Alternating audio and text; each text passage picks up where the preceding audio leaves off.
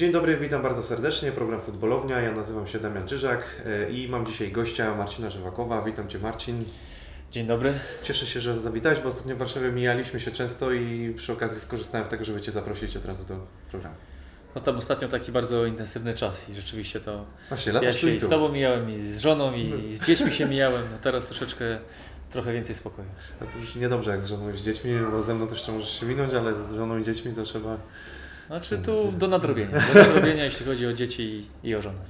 Dobra Marcin, to mm, ja lubię, że tak powiem, wspominać, y, ale zapytam Ciebie, bo w sumie zawsze zaczynam od, od wspomnień i, i wszyscy moi goście y, też wspominają, ale ja nigdy nie zapytałem w sumie nikogo, czy w ogóle, nie wiem, czy w ogóle piłkarze lubią wspominać stare czasy, czy lubią wracać do tych czasów, no bo wiadomo, to są powiedzmy już zmierzchłe czasy, e, ale czy to fajnie się o tym rozmawia, czy, czy lubisz to robić? Znaczy jeśli to komuś pomaga albo coś wyjaśnia, to, to tak. Mhm. Natomiast tak s- sam z siebie to jak kiedyś, kiedy zaczynałem sam karierę, albo kiedy zaczynała się poważniejsza piłka, a- generacja starsza kończyła i tak słuchałem cały czas jak opowiadali czy coś, to czasem wydawało mi się, że potrafią zmęczyć, że, że tak troszkę sobie dobrze robią i nie wywołani do tablicy próbują trochę zainteresować innych, więc ja podchodzę do tego na zasadzie, jak ktoś zapyta, to chętnie się podzielę. Jeśli tam nie jestem pytany, to, to za bardzo tam nie, nie wychodzę przed szereg. No a jak siadasz z kolegami, powiedzmy, z, z znajomymi tutaj z boiska, to, to wspominacie właśnie, jak, jak wygląda taka,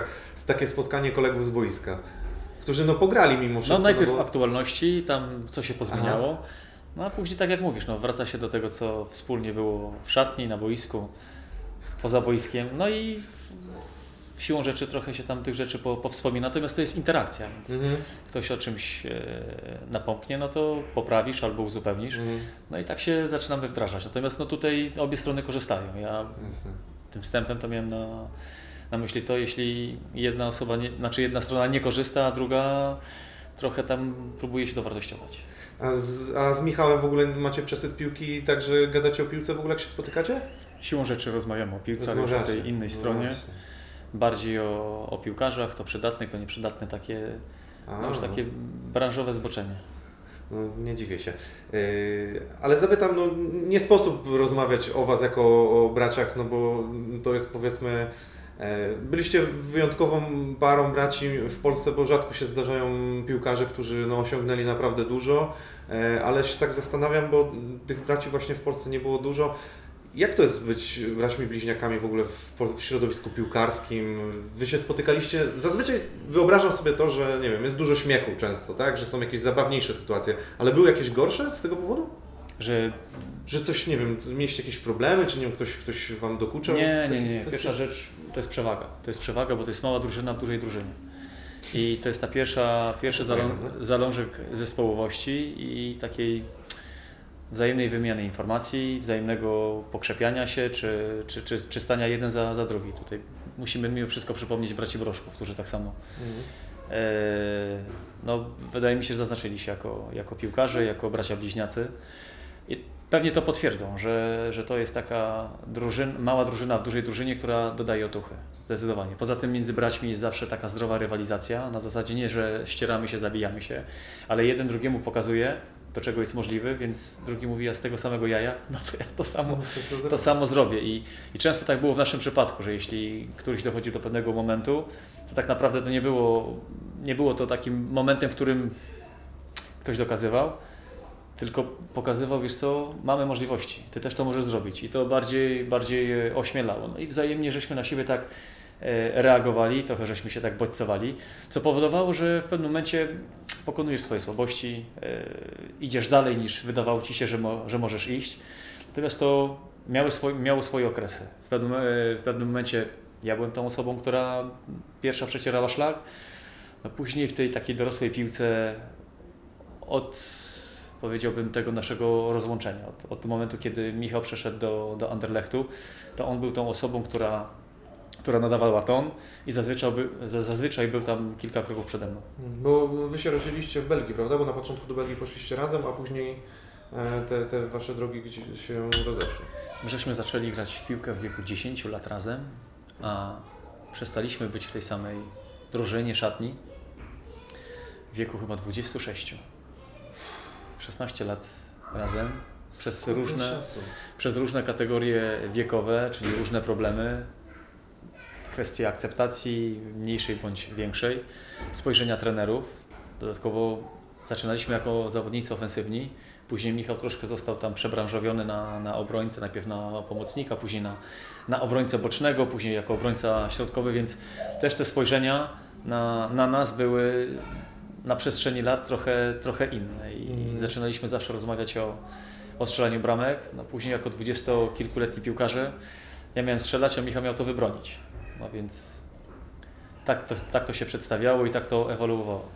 No, tyle lat razem, to od razu mi się nasuwa pytanie i myślę sobie i sobie próbuję to wyobrazić moment rozstania. Czy w ogóle, no bo zakładam, to musiał być ciężki moment, jak się rozstaliście, jeżeli chodzi o piłkarskie boisko i treningi i takie życie. Mówimy o tym, jak odszedł do Anderlechtu No, pierwszy no, raz, no, kiedy nie dzieliliśmy no, szatni. No, no. Czy to ja odchorowałem 6 miesięcy. Ja pamiętam pierwszy raz na dłużej usiadłem na ławkę w Muskrun.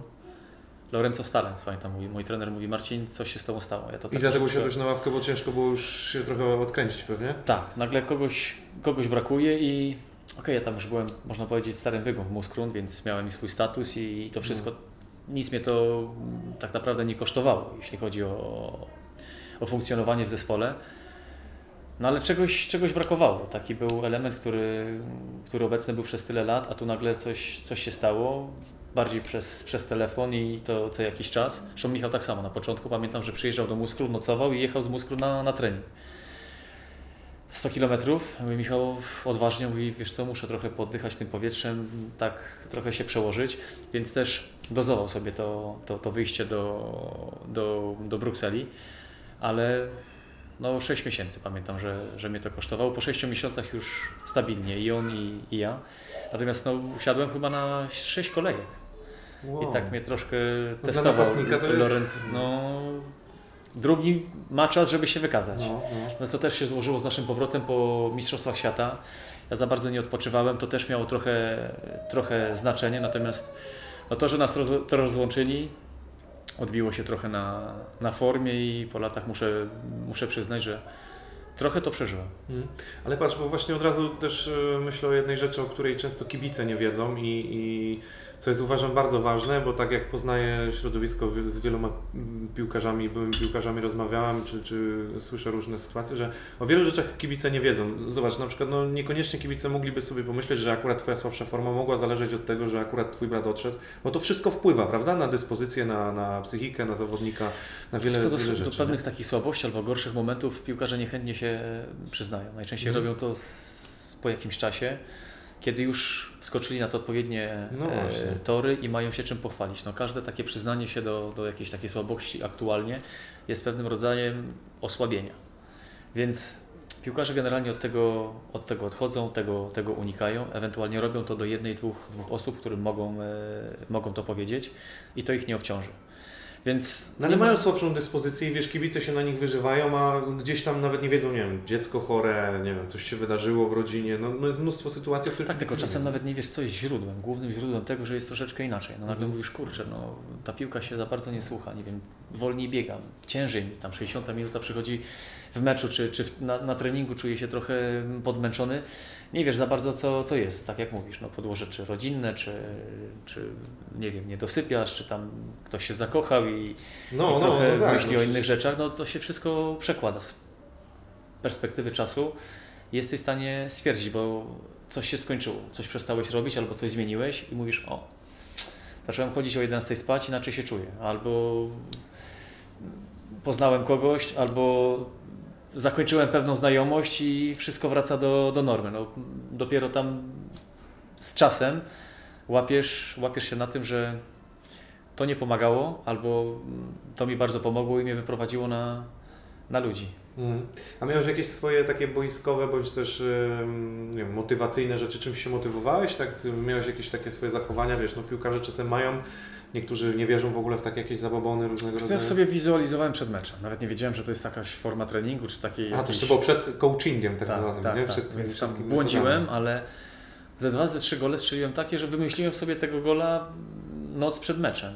Wow. I to jest tak, jak, jak czasem trenerzy powtarzali, znajdź pomysł na mecz, wiesz z kim grasz, pomyśl jak, to ja przed zaśnięciem zawsze sobie wyobrażałem kilka akcji, co mógłbym zrobić, co, jak będzie takie zagranie, to jak się zachowam. I ze dwa, trzy gole wpadły mi właśnie w taki, w taki sposób. Później okazało się, że to też jest pewnego rodzaju forma treningu mentalnego i to pomaga. To rzeczywiście to miałem i po wejściu do szatni zawsze lewy pisuar. Tak? Taka. Piłkarze mają tak, e, mają trochę zabobonów, to są takie e, kapliczki, No, które no. sobie odwiedzają, które pokrzepiają albo które mają dać nieśmiertelność, kulotporność albo siłę do tego, żeby wykonać zadanie pozytywnie i wrócić do domu z takim poczuciem dobrze spełnionego obowiązku. No a ta bramka na Mistrzostwach Świata wizualizowałeś, czy, czy szczęście sprzyjało, czy nie? Nie, wtedy mnie zajeżył strasznie trener Engel, bo myślałem, O. że tak, że wyjdę od pierwszej minuty, bo zanosiło się na, na kilka zmian i rzeczywiście tych kilka zmian nastąpiło, natomiast te zmiany mnie nie, nie, objęły od pierwszej minuty. Wszedłem w 66 i, i chyba udało mi się tą taką złość przełożyć na złość sportową i, i dać coś i sobie i, i drużynie. No taka symboliczna bramka, bo tych mistrzostw świata za dużo w mojej karierze nie było, były jedne. Skończyło się na trzech występach, ale gola strzeliłem, więc tam jako napastnik trzy występy, jeden gol. Kulawo nie jest, tam furory nie robi, ale jest zawsze o czym, No kurczę, o czym porozmawiać. Wydaje mi się, że dla piłkarza w ogóle coś takiego, wiadomo, patrząc może na perspektywy nasze polskie, to, to i tak jest naprawdę bardzo dużo. No, no, Mistrzostwa Świata, no, nie jesteśmy powiedzmy Brazylią, Francją i tak dalej, ale no, jakby spełnienie myślę jest wielkie dla każdej Znaczy ja tak dla orzełka. Nie? Nie, nie porównuję się do innych, bo to też Mhm. Nasze Mistrzostwa Świata, o których rozmawiamy, to można powiedzieć poprzednia epoka piłkarska. Teraz żeśmy weszli zupełnie w inne, w inne czasy, więc inaczej się trenuje, inaczej się patrzy na piłkę, co innego się trenuje, bo za naszych czasów trenowało się tylko nogi. Dzisiaj się trenuje i głowę, i Mhm. poprzez, y, ma, ma się teraz, nie wiem, trenerów snu, liczy się kalorie, jest technologia żywienia, więc rzeczywiście ten trening piłkarski rozszedł się na kilka, kilka obszarów. No my tak, takiej świadomości nie mieliśmy wcześniej, więc ja patrzyłem na, trochę na swoje marzenia i czy udało mi się przekroczyć tą linię marzeń, zrealizować coś, co na mnie robiło wrażenie i coś, co po karierze jeszcze nam nie działa. Więc tutaj rzeczywiście ten gol na Mistrzostwa Świata to jest coś takiego, na co się przyjemnie powołać. Jeśli ktoś wywołuje temat Korei, Japonii, no to nie muszę się tak do końca czerwienić. Tam wyniku wielkiego jako drużyna żeśmy nie zrobili, ale no, coś tam się widziało i coś tam się, coś tam się zrobiło.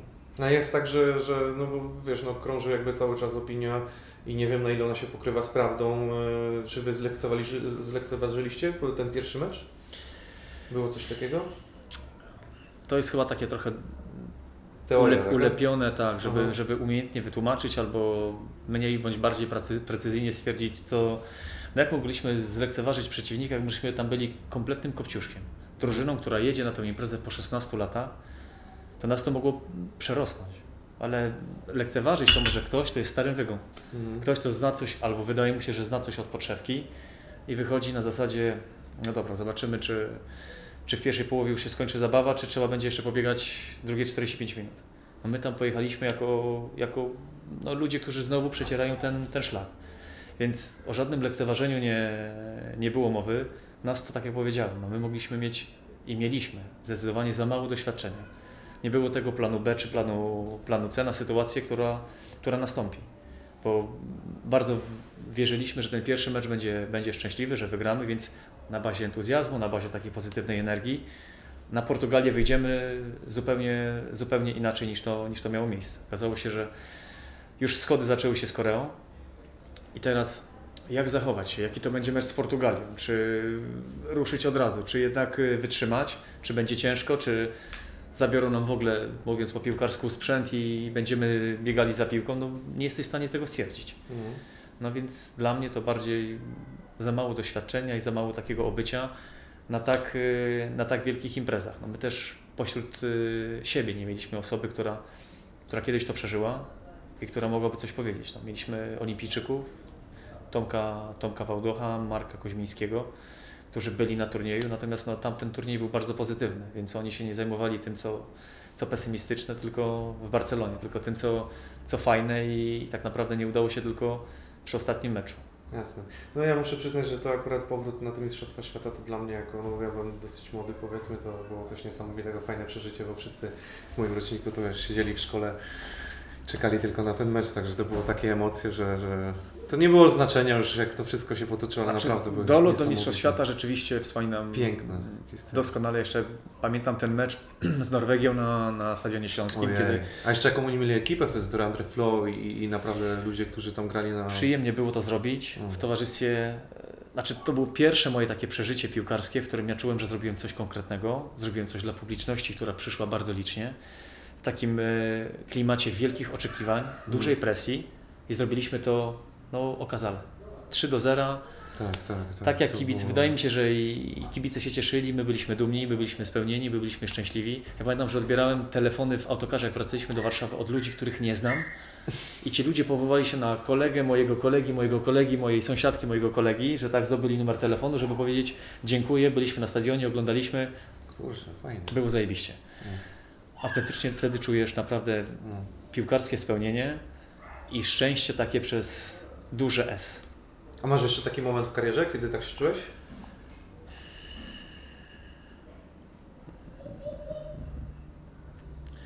Znaczy, duże szczęście jeszcze czułem, kiedy urodził mi się syn i udało mi się dosłownie chyba 6 godzin później strzelić bramkę w meczu ligowym. Rzeczywiście spędziłem noc w szpitalu i to też taka historia. Pierwszy raz w życiu wzięli nas na zgrupowanie w Belgii. I akurat w tym momencie moja żona urodziła. Więc ja już miałem przygotowany samochód na wypadek, gdyby rzeczywiście rodziła w nocy. Więc tam druga w nocy wsiadłem do samochodu, pojechałem do szpitala. No, szczęśliwie Marek się urodził. No, posiedziałem z żoną tam do, do, do siódmej, tak troszeczkę śpiąc, trochę czuwając. Przyjechałem na śniadanie do, do, do- do, do klubu, no i trener mówi, czy jestem gotowy. Ja mówię, trenerze, chcę zagrać. No i rzeczywiście wyszedłem, wyszedłem od pierwszej minuty, udało się strzelić gola, kołyska, więc wtedy też miałem takie, takie spełnienie, że od początku do końca zrobiłem to, co chciałem, drużyna nie ucierpiała, a ja sobie mogę wrócić szczęśliwy młody, młody tatuś.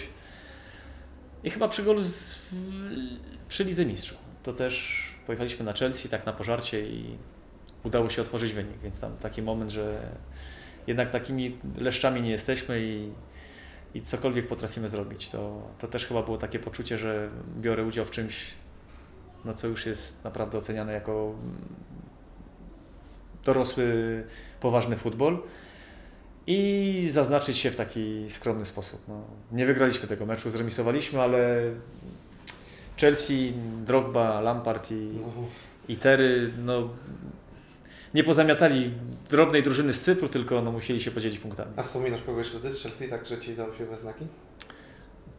John Terry, John No. Terry. Pamiętam, że latał za Tak mną i jakoś mówi, na spalony byłeś, dziwnie, na że spalony się- byłeś, w życiu nie powinni tej bramki. Ja mówię, John, z, zobacz e, na powtórce, czy byłem na spalonym i nie wiem, czy możemy zamienić na, na koszulki po meczu. On tak jakoś tak, tak popatrzył, ale był charakterny. Jeszcze pamiętam, że zszedłem po w 80 chyba którejś minucie, więc nie dotrwałem do 90, a trzymał koszulkę dla mnie. O. I wtedy sobie pomyślałem, no to jest nie, nie dość, że to jest doskonały piłkarz, to jednak taki trochę z zasadami, bo Mają klasę, nie? Piłkarze tego Pozamiatać na, tam- na tym poziomie, nie? piłkarzyka z Cypru, a tu, a tu okazało się, że, że dotrzymał słowa i wymieniliśmy się koszulkami. Ale to wiesz, patrzę na Twoją karierę, to, to naprawdę poodhaczałeś kilka takich fajnych rzeczy dla piłkarza, które są naprawdę przyjemne. I Mistrzostwa Świata, i Liga Dlatego Mistrzów. wydaje mi się, i... że mogę powiedzieć, że ten czas, który poświęciłem na piłkę nożną, można określić jako karierę. To nie jest kariera modelowa, to nie jest kariera, którą A to poczekaj, będę... zanim to powiesz, to ja Ci zadam pytanie właśnie, bo to było moje jedno z pytań. Dlaczego piłkarze boją się mówić, yy, że mieli karierę, a, a mówią przygoda? No bo Co- co to kariera to jest coś takiego bardzo. e, to zależy. No, na przykład dzisiaj Mhm. wyznacznikiem jest Robert Lewandowski, dzisiaj Mhm. wyznacznikiem jest Arek Milik, dzisiaj wyznacznikiem jest Wojtek Szczęsny, Kamil Glik. Wiesz co, jeśli uznamy, że to jest kariera, to wszystko co poniżej jest No względne. no. Więc jest To- wielu ludzi, wielu piłkarzy, którzy mają mimo wszystko troszkę pokory i też potrafią pewne rzeczy oszacować. Natomiast dla mnie, jest to kariera, to jest już coś, co pozwoliło Ci zarobkować, pozwalało Ci się przez kilkanaście lat z piłki utrzymywać i po, po zakończeniu kariery też stwierdzasz, że jednak żyje Ci się łatwiej. Wydaje mi się, że to już zasługuje na, na termin kariera, no więc ja w te widełki się chyba łapię.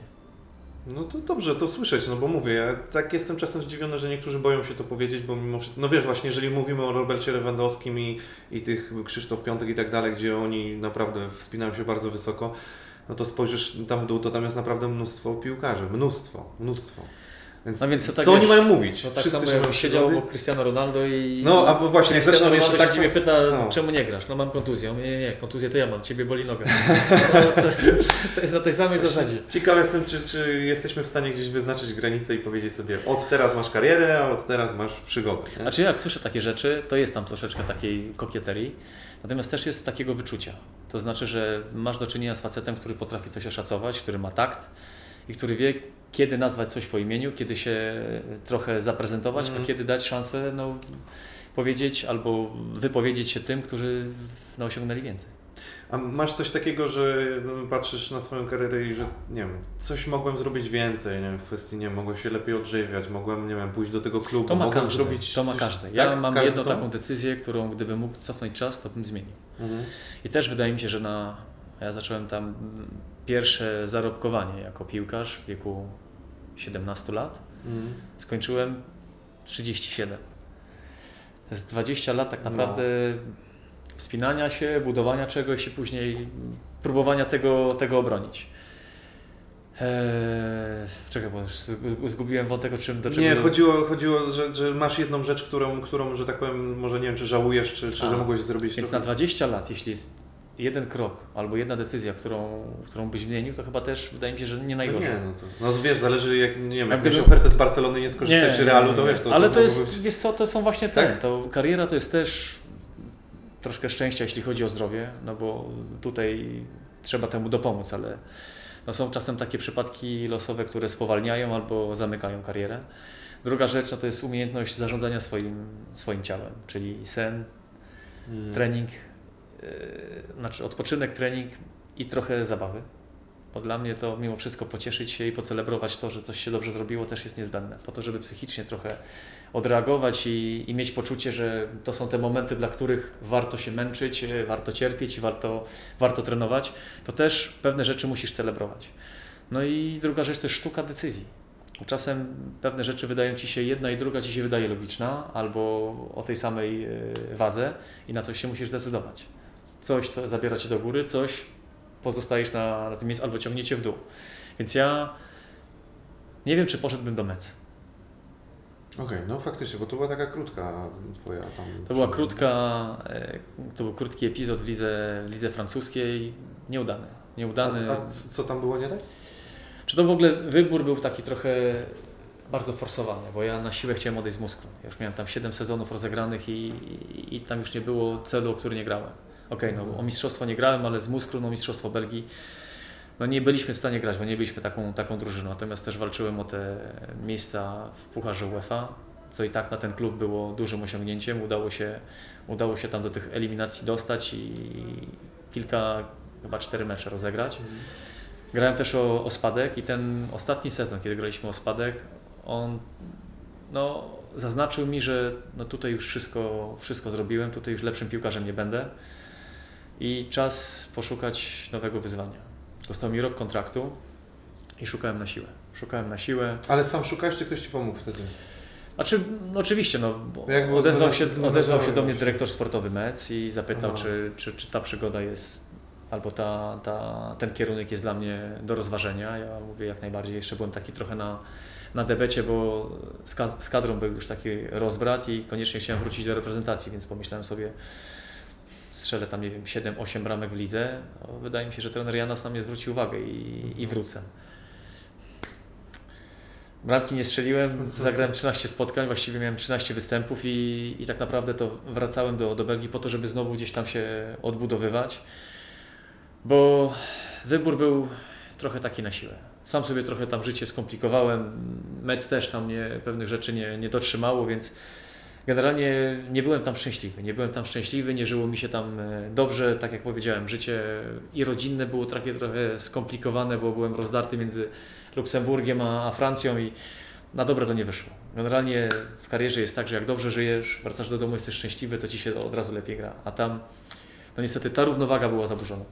Więc tutaj no, przemyślałbym jeszcze raz tą, tą okazję i tą decyzję. I nie wiem, czy, czy nie wstrzymałbym się jeszcze przynajmniej o pół roku po to, żeby za pół roku móc jako wolny zawodnik Wolny podpisać zawodnik. spokojnie. A tak chciałem się wyrwać, wyrwać i jak to z forsowanymi decyzjami. No, zazwyczaj nie są, nie są dobre, nie są trafione. No ale wróciłeś do, do Belgii i generalnie chyba nie, nie, nie, że tak nie toczyło się tam źle ta, dalej twoja kariera. Okej, toczyła się. Toczyła się rzeczywiście. Ona też nie miała jakiejś niesamowitej To dynamiki. się odbiło jakoś mocno na tobie? Czy to ja byłem takim w Belgii takim piłkarzem, który strzela pod 15 bramek? No.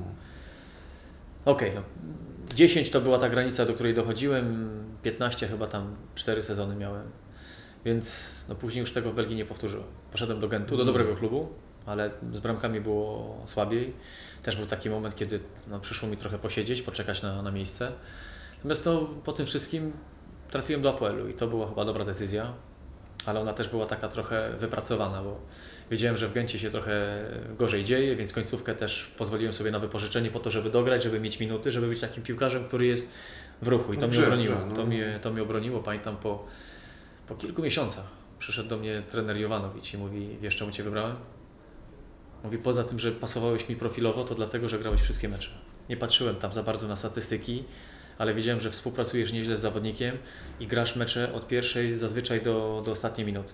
Więc to no i wtedy sobie potwierdziłem, że jednak, to, że o siebie zadbałem, to, że troszeczkę pozarządzałem pewnymi rzeczami, to mnie obroniło, bo ja jechałem do Cypru, tak, na, na Cypr, do APL-u po to, żeby miękko lądować. 32 lata, mówię, 2 lata podpiszę, 34. Na napastnika to już robisz się trochę taki Mm. pojazd, wiesz, z tymi pomarańczowymi, żółtymi rejestracjami. Je, zapala, ale jedzie dostojnie, patrolowa szybkość i bez szarży. Jak to się mówi, że trzeba mądrze stać niż głupio biegać już, nie?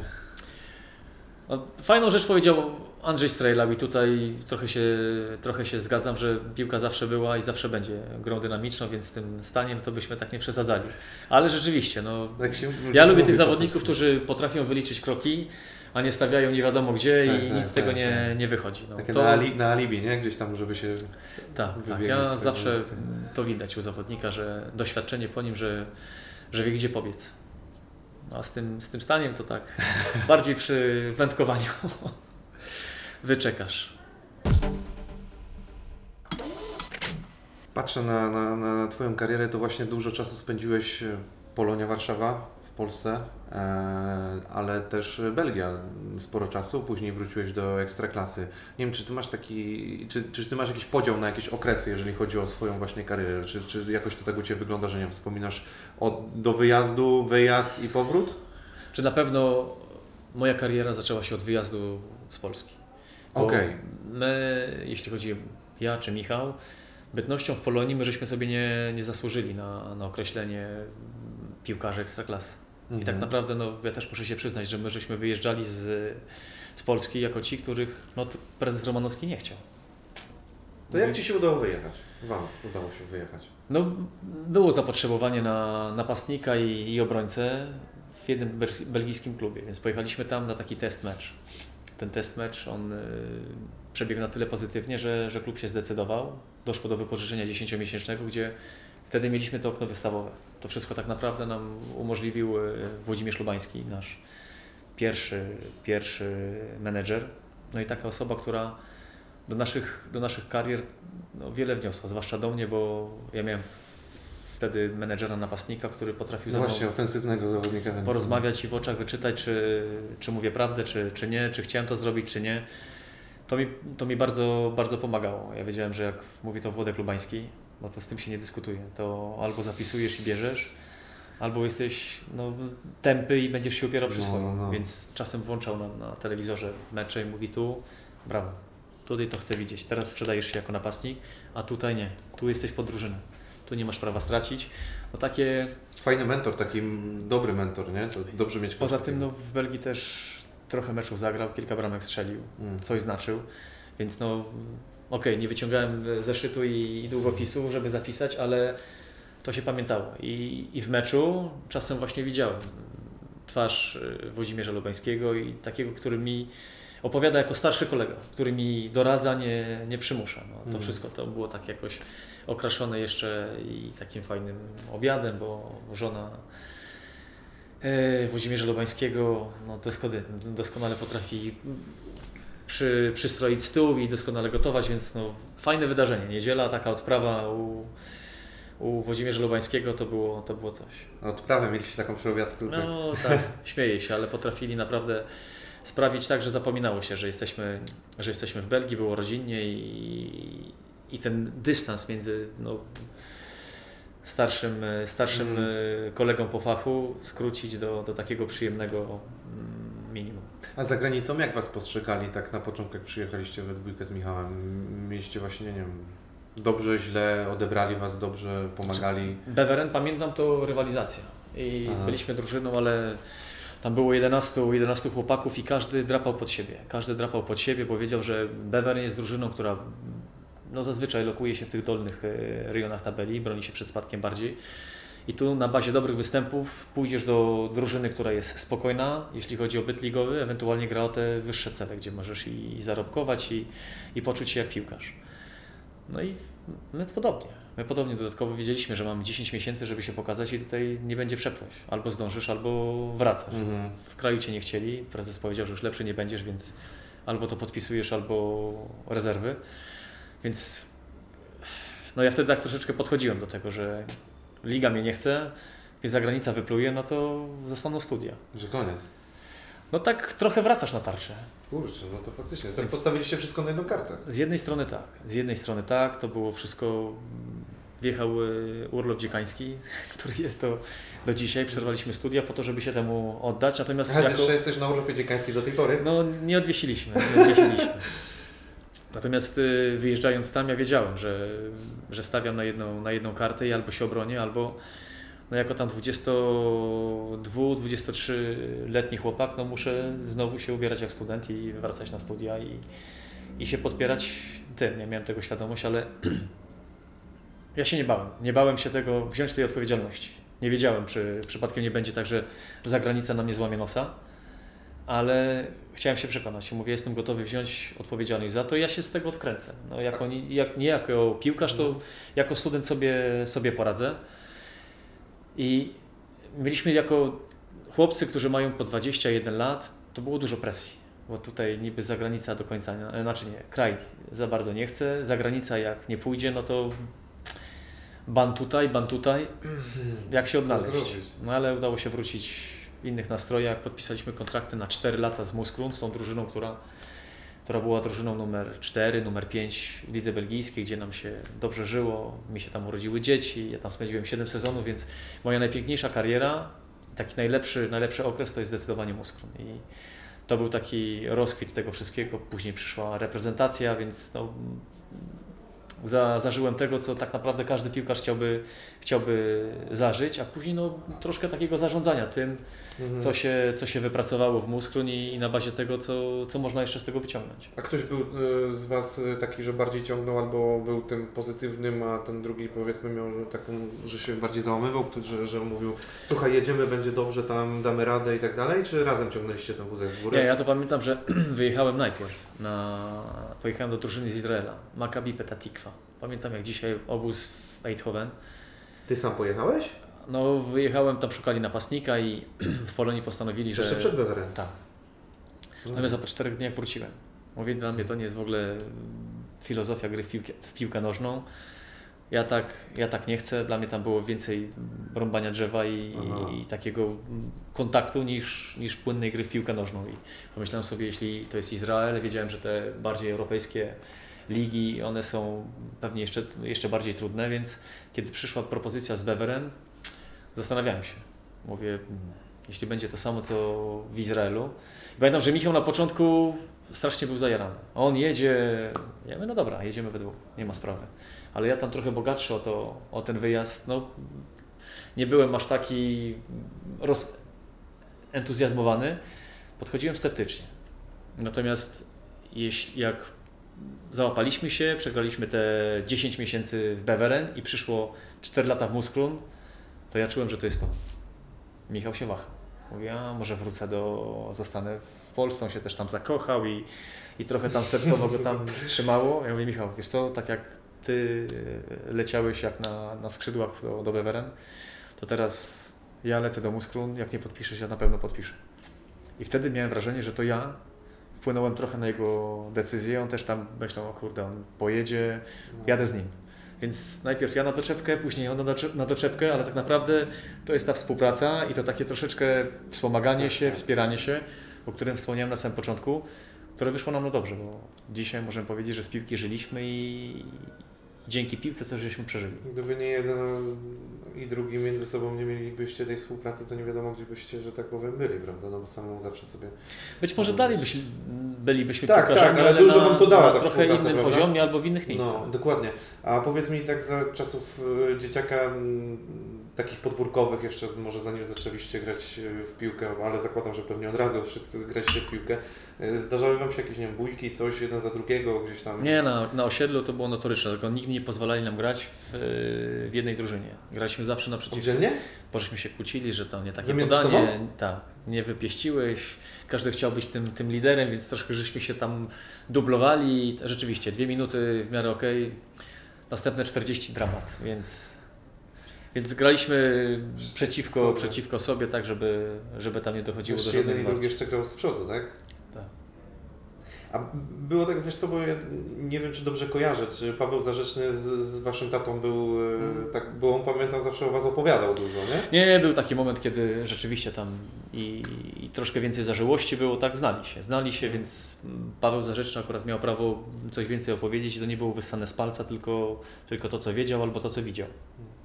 Paweł Zarzeczny miał zawsze specyficzne poczucie humoru i tak potrafił dogryzać, nie? Z- Mieliście No, takie złośliwości był. od niego? Sz- Szyderczy był taki, lubił tak kujnąć, ale ja miałem wrażenie zawsze, że, nas, że on nas lubi. Że on nas on lubił. zawsze mówił, że on najbardziej, znaczy kół tych, których najbardziej lubił, nie? Aha, aha. No, trochę się chyba potwierdziło. Nie, rzeczywiście, trzeba było uważać, co powiesz i jak powiesz, bo tam czutka była duża, a ripostę miał no, w punkt. Mocno, nie? Tam rzadko było tak, że nie trafił. A mówił coś takiego, bo nie zdziwiłbym się, że on mógł opowiadać, że gdyby nie on, to wasza kariera by się tak nie potoczyła, bo to tak by było w jego stylu, nie? No, A to usłyszałeś jakąś właśnie taką anegdotkę od niego, coś? Kiedyś pamiętam, że siedzieliśmy na, na fortach Bema i, i tak rzucił przy jakiejś kawie, mówi, wiesz co, weź, wracaj do, do Polski i podpisz Legię, ja z Ciebie zrobię piłkarza. Będziemy o Tobie, no tak jak Paweł, nie? Na zasadzie Typowo. poskładamy tam elementy do kupy i coś tego, weź tam, tam siedzicie na tej wsi tam i, i w ogóle, w ogóle przyjeżdżasz do Polski i podpiszesz Legią i wtedy dopiero zrobimy z Ciebie piłkarza. Tylko, że Paweł Zarzeczny to on był taki, że jak tak to powiedział, wydawało się, że tak żartuje, ale on, on był zdolny do tego, No, nie? no, no. To, to jeśli chodzi o kreowanie kariery, to był taki jeden element, który pamiętam. Natomiast to, czy kariera potoczyłaby się troszeczkę inaczej, albo nie potoczyłaby się tak, jak, jak to miało miejsce, no to tam chyba No śmiał nie, no wiadomo, no to on, on lubi tak powiedzieć. A masz jeszcze takie osoby, którym coś możesz powiedzieć, że zawdzięczasz, że wpłynęły na Twoją karierę oprócz brata? Zakładam, że pewnie rodzice też. No rodzice to przede wszystkim. Mhm. Zwłaszcza tutaj ojciec, bo mama bardziej pilnowała szkoły. Mhm. Ojciec uczył takiej etyki pracy, tego, że okej, talentem zwrócisz na siebie uwagę, ale karierę robi się trochę na charakterze, na powtarzalności, na regularności. No i na szacunku do ludzi. To, to, to takie rzeczy wtłoczone przez, przez, przez ojca. No więc ja muszę, muszę powiedzieć, no powiedziałem o Włodzimierzu Lubańskim. Tak, tak. Stanisław Gzil. To była też osoba, to był nasz trener Beveren, który, który też nie chciał z nami rozmawiać po polsku. Jak Mhm. byliśmy w szatni, mówił po flamandzku, mówi sorry, nie ma tutaj ułatwiania, faworyzowania, mówię do drużyny i mówimy po flamandzku. Albo się nauczycie, zaczniecie łapać pewne słowa, albo... Natomiast jak żeśmy się spotykali, nie wiem, już po treningu gdzieś tam na korytarzu, to rozmawialiśmy indywidualnie, to rozmawialiśmy wtedy po, po polsku, ale to była też taka osoba, która nam pozwoliła wejść w ten świat i zafunkcjonować. Nie był, osobą, nie był taką osobą, która egzekwowała od pierwszej sekundy, tylko dajmy na to od, od dziesiątego dnia. Ale widział, że ma do czynienia z takimi no, i poważnymi, i pokornymi, i takimi, którzy nie boją się pracy, chłopakami, więc wydaje mi się, że też łatwiej mu było to zaryzykować. Czy ktoś więcej? Dla mnie Hugo Bros był też takim trenerem w Moskwie. Berg. Śmieli się, że to mój ojciec e, piłkarski, ale to była też osoba, przy której ja się czułem pewnie i, i tak naprawdę to no niczego się nie obawiałem. Wiedziałem, że prędzej czy później to się obronię, nawet jak mnie tam posadzi na ławce, to i tak do mnie, do mnie wróci. Tu rzeczywiście Ja podpasowałem jemu, a on jako trener ze swoim sposobem bycia, ze swoimi treningami, ze swoim podejściem też bardzo podpasował mi. No mi się wydaje, że dla napastnika to jest w ogóle chyba najlepsza rzecz mieć takiego trenera, bo się czujesz pewnie, bo napastnik musi mieć tą jakąś taką pewność, że, że gdzieś poczucie bezpieczeństwa i chyba jest w stanie strzelać do No to była taka, No. taka, taka osoba, która też mnie pewnych rzeczy uczyła. Mm. Tak naprawdę zapamię zapamiętujesz tych, którzy coś wnieśli do Twojego życia. Ci, którzy Ci towarzyszyli, okej, też się o tym pamiętam, natomiast trochę tak jak z tymi surowymi nauczycielami w szkole. Wydawało Ci się, że, że są źli, że są przeciwko Tobie, Tak, tak. a to ci, którzy Cię nauczyli, coś pozostawili albo zostawili jakiś ślad, który pamiętasz i który wykorzystujesz w dorosłym życiu. No to podobnie jest z trenerami. A to po jakimś czasie często też dochodzisz dopiero do takich wniosków, nie? Dokładnie, zgadza się. A masz. y, To zapytam jeszcze od innej strony, od strony boiskowej. Czy ty masz takie wspomnienia, nie wiem, takich najtrudniejszych przeciwników, takich zboiskowych, z którymi nie lubiłeś grać, którzy zawsze ci się denerwowali, nie miałeś raczej dobrych relacji, stosunków? Z kim ci się zazwyczaj nie układało? Czy to w Polsce, czy za granicą? Jakbyś tak spojrzał na, na Polskę. O, miałem jedną taką sytuację, ale to nie to, że mi się nie układało, tylko to on rywalizował z Michałem o miejsce w Wanderlechcie. Ja często na niego grałem. Aha. O Olivier Deschach, taki Okej. piłkarz y, belgijski. No i pamiętam, że no raz tam zachowałem się niesportowo. Gdzieś tam podszedł pod łokieć, machnąłem i knockout. Tylko, że zrobiłem to tak szybko i tak niepostrzeżenie, że on nawet nie wiedział, kto to zrobił. Czy to zrobiłem ja, czy kolega. Po przerwie, jak wybiegł, to pierwsze co poleciał, mówi Zewlakow, wszystko mi powiedzieli. Ja wiem, że to ty, uważaj, nie? I pamiętam, że powiedział, mówi, twojego brata lubię, a ciebie nienawidzę. O. I od tego momentu tam zaczęło się takie troszkę szukanie i, i takiej gry nie fair i w ogóle. No, no, no. Natomiast no, przyznaję, że to trochę, trochę ja za, zacząłem. No, trochę mi tam dokuczał, więc no, skutecznie się przed tym, przed tym obroniłem, ale no, przekroczyłem e, przepisy. Tak naprawdę Vincent Kompany to też był ciężki przeciwnik i Jacek Bąk. Jacek Bąk? To też był taki obrońca nieprzyjemny do grania. On generalnie no, obrońca, który miał wszystko, bo i niezły w powietrzu, i szybki, i, silny, i, i nieźle grał ślizgiem. Jego grać było trudno, więc tutaj jak Jacek Bąk gdzieś tam na kadrze mnie, mnie krył, to wiedziałem, że no, trzeba się pilnować i, i byle z farmazonem, byle z wodem, to tam Jacka nie, nie minę. Węsą kompany beton. To może robić zaprzęsło w każdym moście, bo no, w kontakcie no, jego nie bolało, jego się nie przestawiało. Stał no, jak No, ale ile miał lat wtedy? Jak, w- w- 18-19. I wtedy już taki chłop. On generalnie, pamiętam, że No, no. dwa lata pokazywali go jeszcze jako mały chłopak, jak wychodził i machał piłką na, na Lidze Mistrzów. Chłopak do podawania piłek. Za dwa lata on rozgrywał i, i wprowadzał jak, jak Beckenbauer. Więc to, że on miał 18 czy tam 19 lat, to tak naprawdę nie blokowało jego pod względem stylu i tego, co, do czego zdolny był na, na boisku, ale no, obrońca nie do przestawienia. Tomek Kłos jeszcze to też miał. Z Tomkiem Mhm. Kłosem przepychanka na 10-9 przegranych. Ale y, a Jacek był niesłynny z tego, bo on potrafił też słownie tam trochę. Nie, tu nie. My żeśmy Nie? się Nie z tym, z, z Jackiem lubili, więc tam akurat On tak Nie było żadnej chyba potrafił czasem utemperować szybciutko, nie? Ja, ja jego zawsze odbierałem jako takiego śmiesznego, taki, który bardziej zarzuci, za- zarzuci bajerkę niż, niż kogoś chce sprowokować. A że ja tam nigdy tam, nie wiem, nie szurałem, ja, ja znałem swoje miejsce w szyku, to chyba tam się ani Jackowi, ani... No dlatego mnie zdziwiłeś z tym łokciem, bo zazwyczaj wy jako braci uchodziliście za takich Nie, ale kulturalnych, no eleganckich tutaj piłkarzy. akurat nie? jakoś tak, ale to też nie było, że ja do niego leciałem. Nie, Jakoś nie, tak ja się wiem, no, ułożyliśmy no, i gdzieś tam rozumiem, machnąłem no. i no trafiłem, no.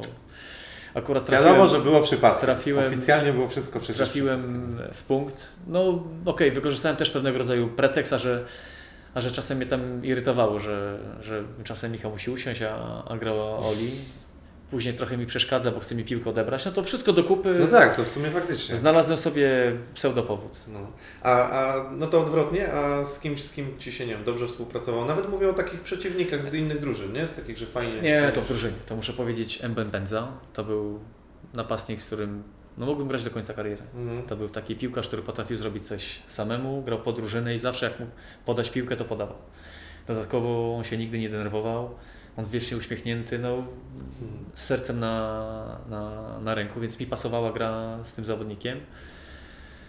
Eee, he, he, he.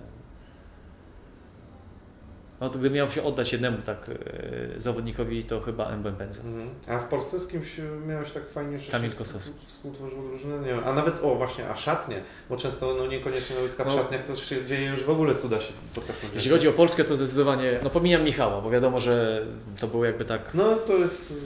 jasne. już od samego początku oryginalnie. Natomiast Kamil Kosowski to jest ta osoba, z którą i, i gra, i, i tworzenie szatni. I czasem poza szatnią to, to było to, co, co do zapamiętania, to, co się wspomina i co, co chciałoby się przeżywać niejednokrotnie. Mhm. A, a właśnie jakąś taką szatnię dobrze wspominasz z tych swoich No, wszystkich piłkarskich? Musklun. No to rodzina. Mhm. To gdyby przeszło mi, mi przenocować w szatni, to bym bez wahania tylko zadzwonił do, do żony, powiedział, sorry, zostaje, ale No, szatnia była, szatnia była zajebista. no. I później te, te lata z Kamilem Kosowskim, i Apoel i, i Bełchatów, to, to było to, co, co mi się podobało i tam też czułem no, kogoś takiego jak brat, który mnie rozumiał, który potrafił czasem mnie rozszyfrować, który mnie odgadnął, że dzisiaj coś nie tak albo coś Cię gryzie, no pod tym względem był no, prawie jak brat, prawie jak brat. Inaczej powiem, jeśli jest definicja przyjaciela, to on się w definicję przyjaciela chyba najbardziej, najbardziej wkleja. Mhm, super. Yy, a Bełchatów, jak wspominasz w sumie? Bo ten Bełchatów to też taki ciekawy twój, twój epizod. Tak, to rzeczywiście ktoś, pamiętam, zadzwonił do mnie jeden z dziennikarzy i powiedział, co ty zrobiłeś?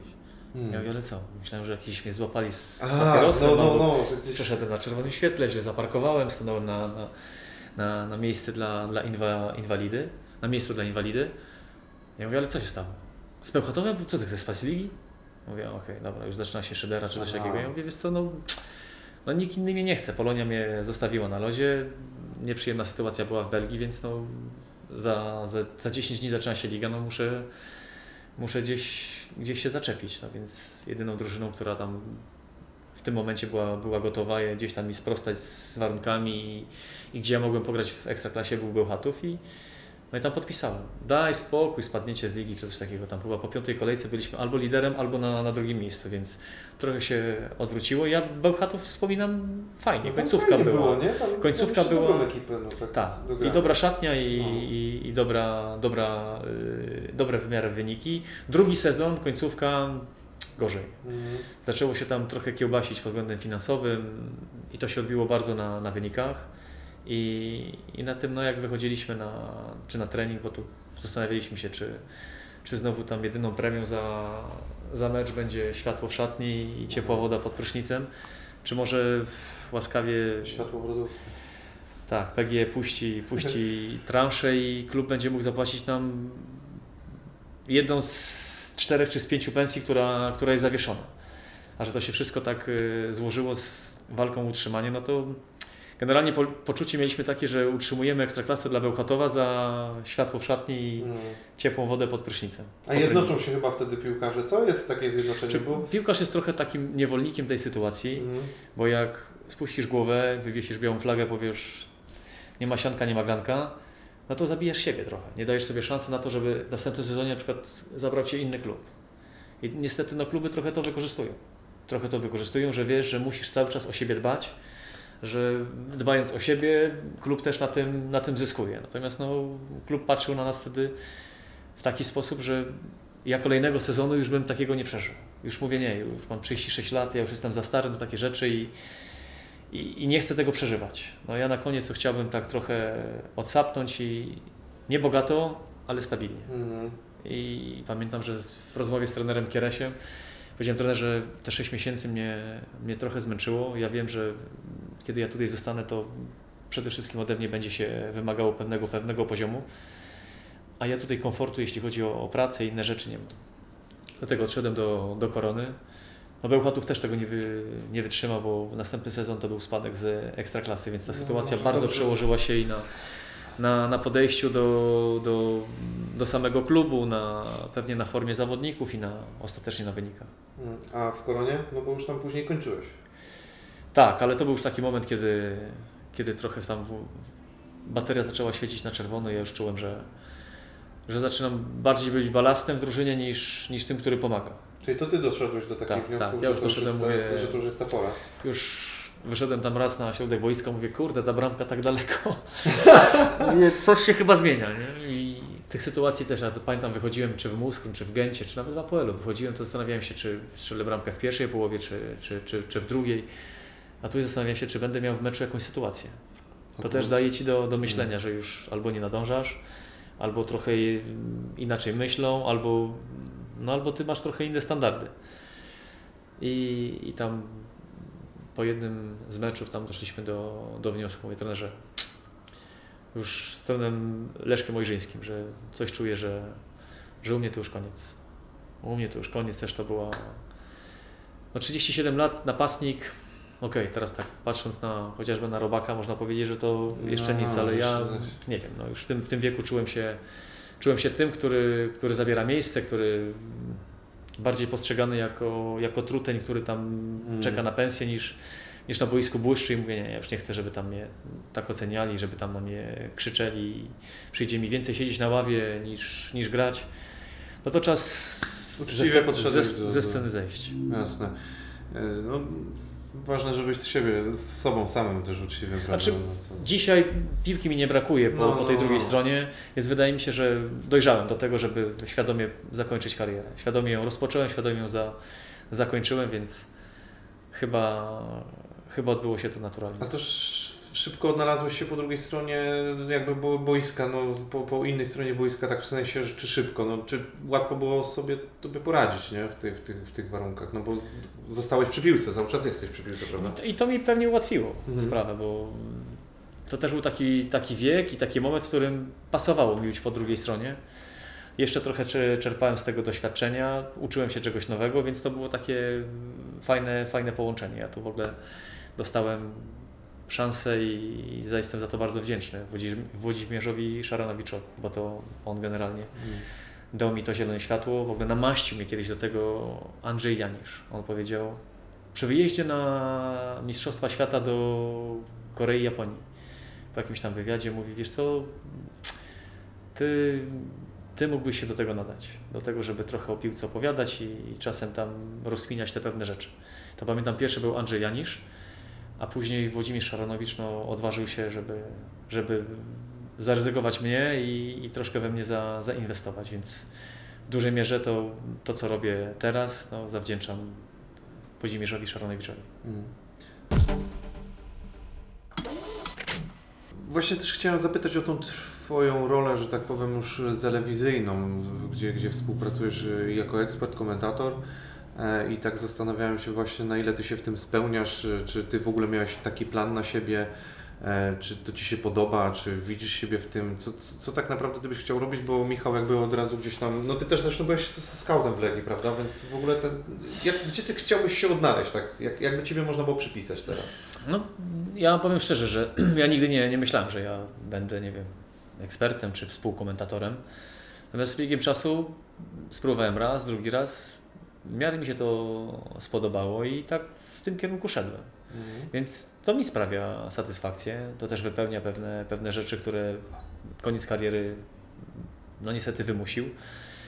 No jesteśmy cały czas, yy, mówię tutaj szeroko, bo to wielu byłych piłkarzy tam się tym, tym zajęciem ima. Blisko tego, co zawsze żeśmy robili, kochali i, i trochę podziwiali. Bycie po tej drugiej stronie, tej wygod, wygodniejszej stronie, no, z biegiem czasu tak samo zaczyna, zaczyna pasować, więc no, owszem, no, mi się to podoba, mi się to, mi się, mnie, mnie to dalej ciągnie i no, ja, ja chciałbym to kontynuować. Mhm. Czyli chciałbyś przy tego zostać. Czyli nie ciągnie Cię gdzieś tam za stołek właśnie dyrektorski i takie rzeczy. Znaczy ja się na to nie blokuję, natomiast Nie, ja wiem, że do tego też musisz być gotowy, bo to jest coś, czemu, czemu musisz się temu poświęcić w 100% i często odbywa się to, właściwie często, zawsze odbywa się to kosztem bycia w domu, życia rodzinnego, znowu nie masz weekendów, więc w Mhm. zależności czy jesteś zdolny na to, żeby przedłużyć karierę. Mhm. To jest przedłużenie kariery. No tak, tam tak. nie ma telefon wyłączony czy, czy, czy urlop. Tam dzwoni prezes, dzwoni trener, to jesteś na, na, jego, na jego telefon i zdajesz relację albo tam uświadamiasz, że to, że tamto cały czas pracujesz, więc no, żony dyrektorów sportowych nie zawsze są zadowolone, bo telefon cały czas albo pod powerbankiem, albo naładowany i czeka na podniesienie. Lekko nie jest. A to, to, to jeszcze tak jedna ciekawa rzecz, znaczy jedna rzecz mnie bardzo ciekawi, jak jesteś już po drugiej stronie ekranu, to czy zmieniły się tobie, zmieniło się Tobie może jakieś postrzeganie, jeżeli chodzi o piłkarzy? Czy Ty wyciągnąłeś jakieś inne wnioski? No bo teraz patrzysz trochę z innej strony, e, ci piłkarze wiadomo, że się trochę zmienili, nie? Ale co, co, jak Ty widzisz teraz piłkarzy, postrzegasz?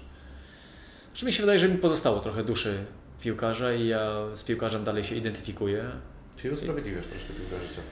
Znaczy ja też przestrzeliłem stuprocentowe sytuacje, więc nie szokuje mnie to, że komuś coś takiego się przytrafiło. Staram się to wytłumaczyć i uchwycić, czy to była nonszalancja, czy brak umiejętności, czy brawura w wykonaniu. Natomiast no, ja też nie byłem tym orłem, który wszystko zamieniał na, na bramki. Przez to być może też, też wiem, czego brakowało albo czego było za, za dużo.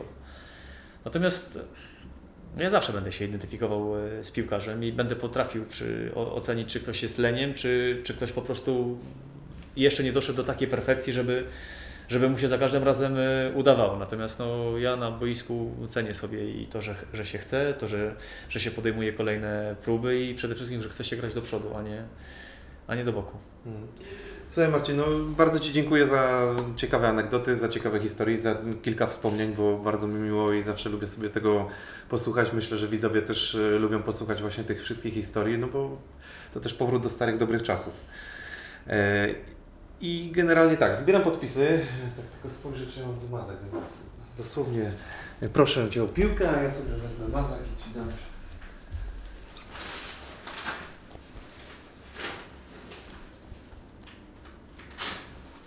A kilka tych wywiadów już było, widzę po... No to jest czwarta moja piłka, więc Aha. to w ogóle mam tyle I nie ma wolnej łatki, więc... Mam już, no chyba będę musiał nową, że tak powiem, tutaj jakąś dostać. Chłopaków z Ergola. E, I tak, bardzo dziękuję. Ja Wam dziękuję za oglądanie. E, no i przy okazji oczywiście zapraszam do innych wywiadów.